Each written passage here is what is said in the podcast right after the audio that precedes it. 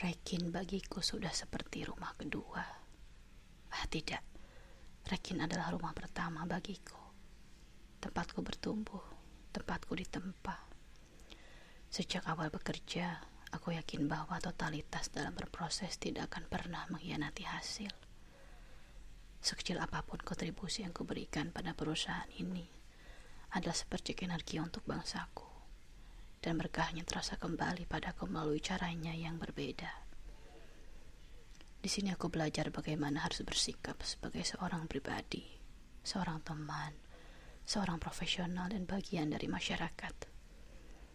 Menjadi seorang humas membuatku banyak mendalami sejarah perusahaan, pencapaian, masa-masa sulit, perubahan budaya, berbagai gaya kepemimpinan, dan semua cerita yang menyertainya.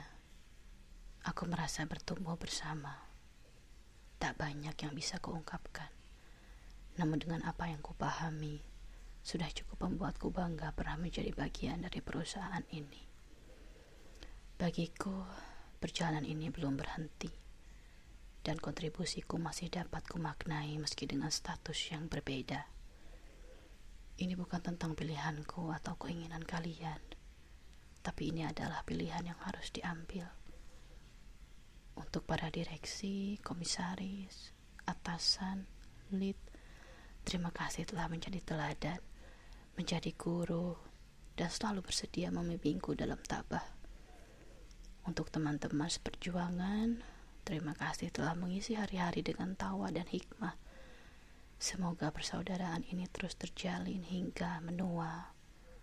Untuk adik-adikku, nikmatilah masa-masa berharga kalian. Bertemanlah dengan sebanyak-banyaknya karakter dan latar belakang. Pancarkan selalu energi positif itu. Dan untuk tim corporate communicationku, semoga kalian memaafkan kekuranganku. Yang aku sadari betul aku belum cukup dan rasanya tidak akan pernah cukup baik untuk memimpin kalian yang memiliki segudang talenta dan kemampuan.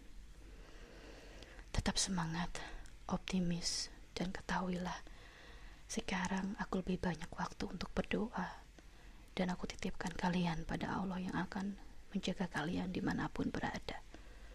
Terima kasih untuk delapan tahun kebersamaan tanpa celah, tanpa sesal. Berkah menyertai rekinku yang tercinta.